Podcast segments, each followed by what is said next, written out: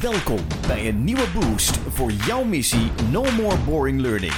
Dit is de Brain Bakery Podcast.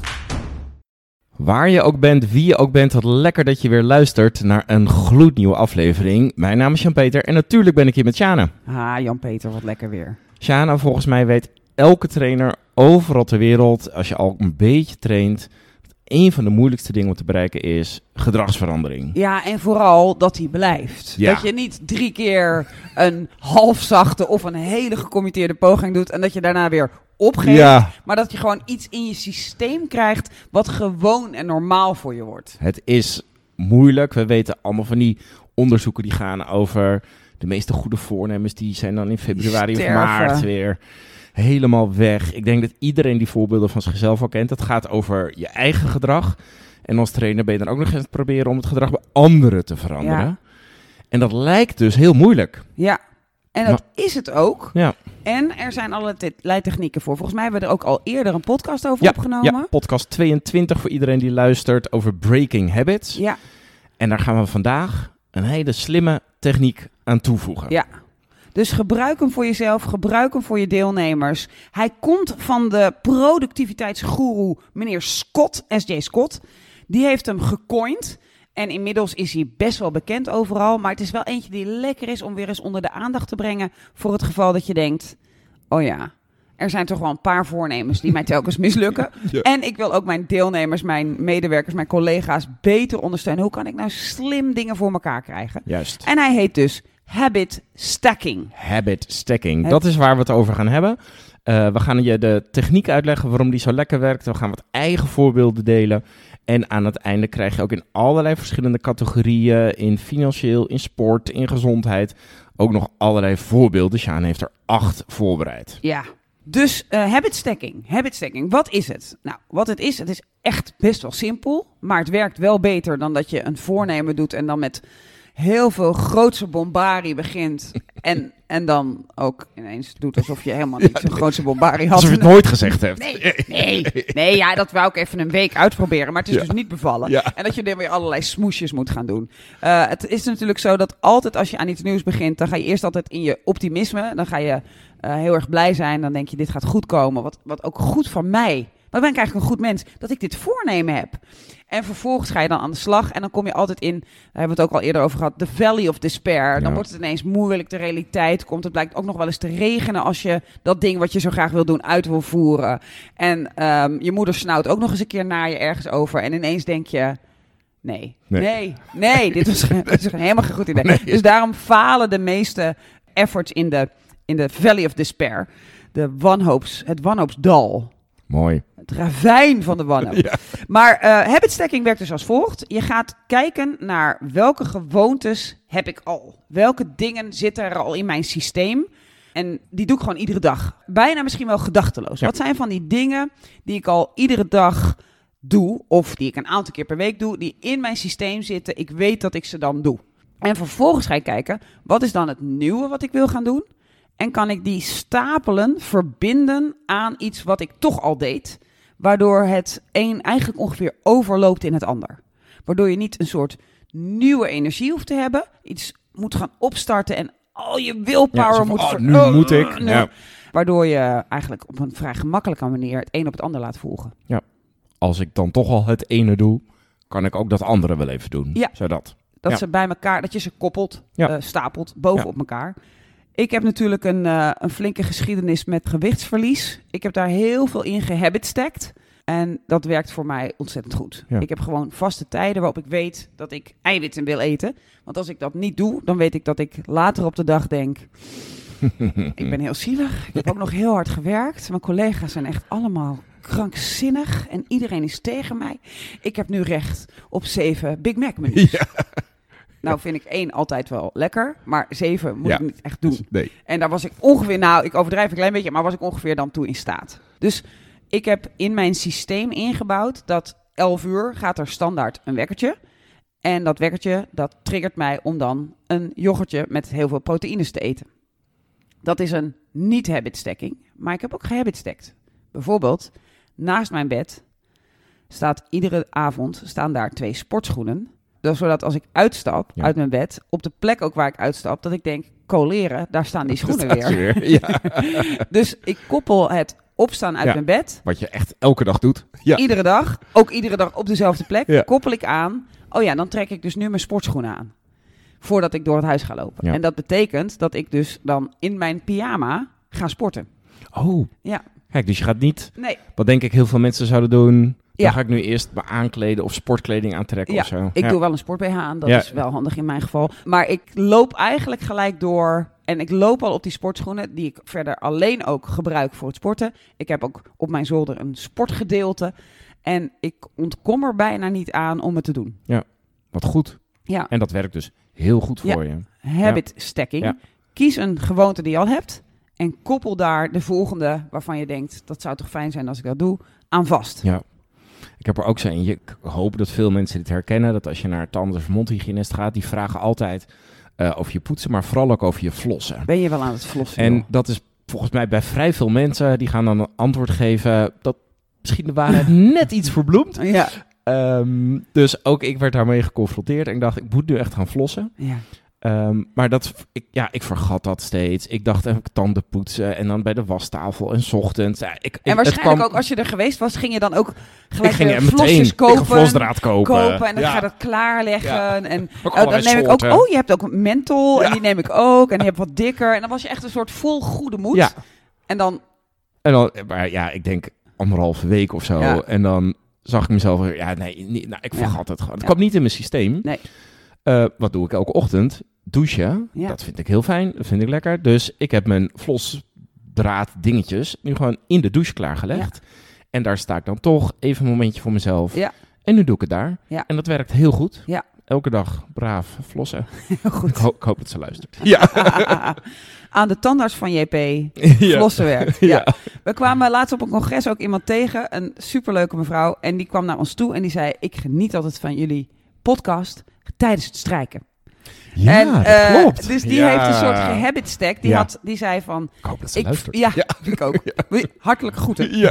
Ze vertelde ons dus dat ze meer podcast wilde luisteren, meer bij de vak eh, wilde zijn. Maar dat ze dan in de auto kon ze zich toch niet goed concentreren erop. Terwijl voor sommige mensen is de auto juist heel lekker om, om te podcasten. En eh, dat lukte er dan niet. En toen heeft ze op een gegeven moment bedacht van... Ja, wat vind ik nou echt best wel een vervelend taakje. Wel een goed taakje, Ja. maar niet het meest inspirerende. En waar kan ik me dan goed op concentreren? En dus zodra zij gaat strijken, gaat de podcast aan. Ja. Ja, heldin. Ja, Ja. ja. Ja. Zo heb ik er ook eentje die natuurlijk wat meer in ons werkveld eh, Ja. eh, zit. Want wat ik belangrijk en leuk vind is om als we een traject hebben... en dan maken we gebruik van een sociaal leerplatform... Ja, om als dan een trainingsdag voorbij is... om natuurlijk een leuke update te geven over dit was zo lekker jongens... of naar de leidinggevende van de deelnemers. Maar in ieder geval even een communicatie. even ja. iets te doen.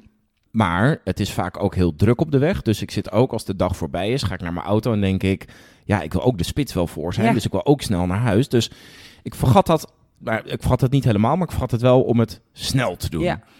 En nu heb ik mezelf voorgenomen om, ik ga de auto in, ik stel mijn navigatie in en dan doe ik het meteen. Dus Ja. ik heb het gekoppeld aan het instellen van mijn navigatie, wat ik altijd doe, want je wilt weten hoe zit het met de files. En dan zit ik toch op mijn telefoon en dan doe ik gelijk een update. En Ah. dat werkt heel goed. Ja. En dan heb ik het meteen eh, gedaan. Wat ook veel leuker is voor de deelnemers en hun Ja, leidinggevenden. precies. Om Van, meteen iets te ontvangen. Oeh, oké. ja. Ja. En als ze de, bij wijze van spreken de volgende ochtend gaan kijken. Oh, hij heeft al iets gezegd. Ja, oh, wat leuk. Ja. Ja. Oh, fijn. Ja, slimme. Ja, habit stacking werkt ook soms tegen je. Mijn gewoonte vroeger was, als ik klaar ben met werken en ik heb dus weer de hele dag niet gegeten en ik heb nu heel hard gewerkt en nu heel veel recht Ja, om te eten, ja. was eerst een glas wijn en dan uitgebreid gaan koken. En wat er dan gebeurde, was zoveel eten en een glas wijn betekende automatisch dat de volgende habit werd, wat is er nu op Netflix? Ah, ja. Waardoor ik eigenlijk na vijf, zes, zeven, wanneer ik ook maar thuis kwam, nooit meer iets productiefs met mijn tijd deed. Omdat we dan maar mindless gingen Netflix. We gingen niet, ook niet een goede film uitzoeken, want die energie was allemaal weg. Want ik zat vol met dat eten, met een wijntje en ik hing op die bank. Dus je kunt ook je habits Ja. onderzoeken op, op een soort omgekeerde manier. Want, want habits die aan elkaar gaan, habits willen dus een soort ook aan elkaar gaan kleven. Da- daarom kun je hem ook gebruiken. Ja. Maar ze kleven soms dus ook op een niet zo prettige manier Ja. aan elkaar. En die zijn ook lekker om te ontdekken. En dan te kijken, wat kan ik daar nou tussen zetten? Wat, kan, wat voor ander habitje kan ik daarbij doen, waardoor dit niet gebeurt?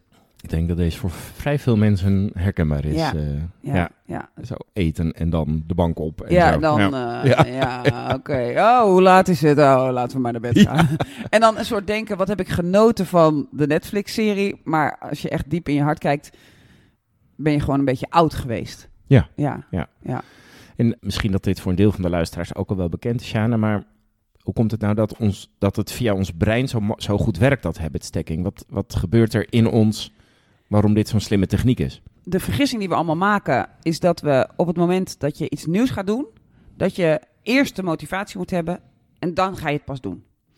En wat we dus heel vaak eh, doen als mens, is dat we wachten tot de motivatie ons overtuigt om het te gaan doen.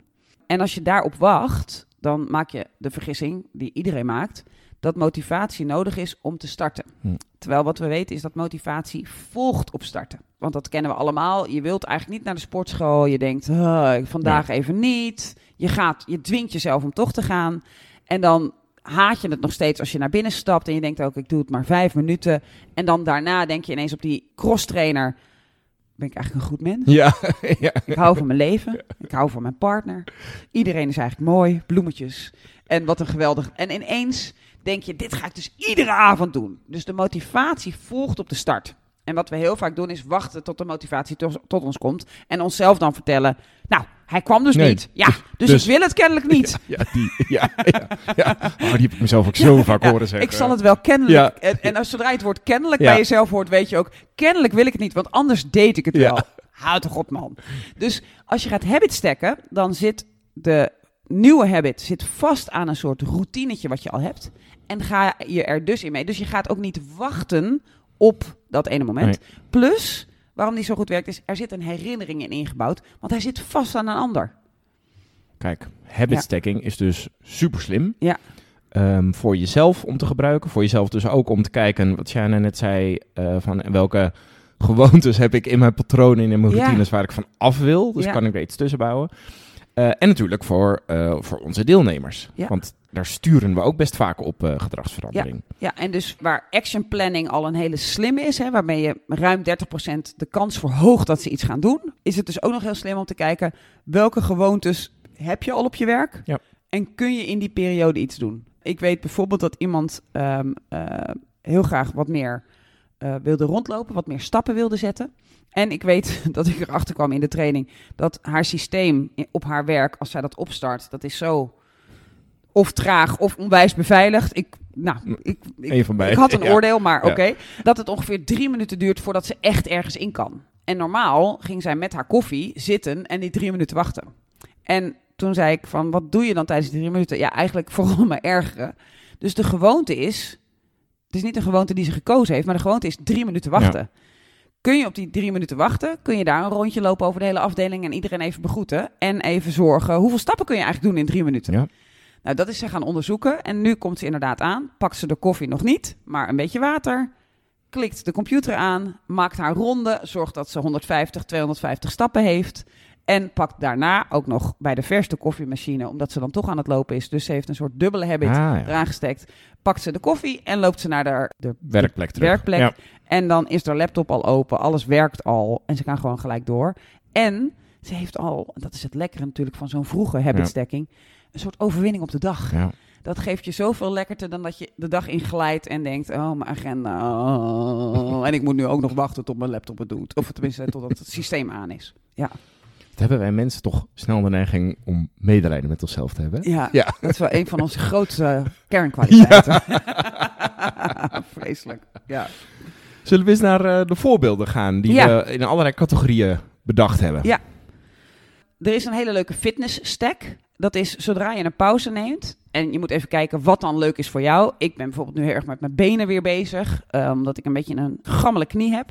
Maar kun je zodra je een pauze neemt en daarheen loopt waar je pauze neemt. Kun je daar dan 10 push-ups doen. Gewoon altijd. Ja. Of kun je een pull-up bar boven je deur hangen. En dan, als jij daartoe in staat bent, ik ben dat niet. eh 10 pull-ups doen. Ik doe bijvoorbeeld, terwijl ik naar buiten loop, eh, naar mijn eh picknicktafeltje wat er staat, daar doe ik dan 10 squats. Iedere keer als ik daarheen loop.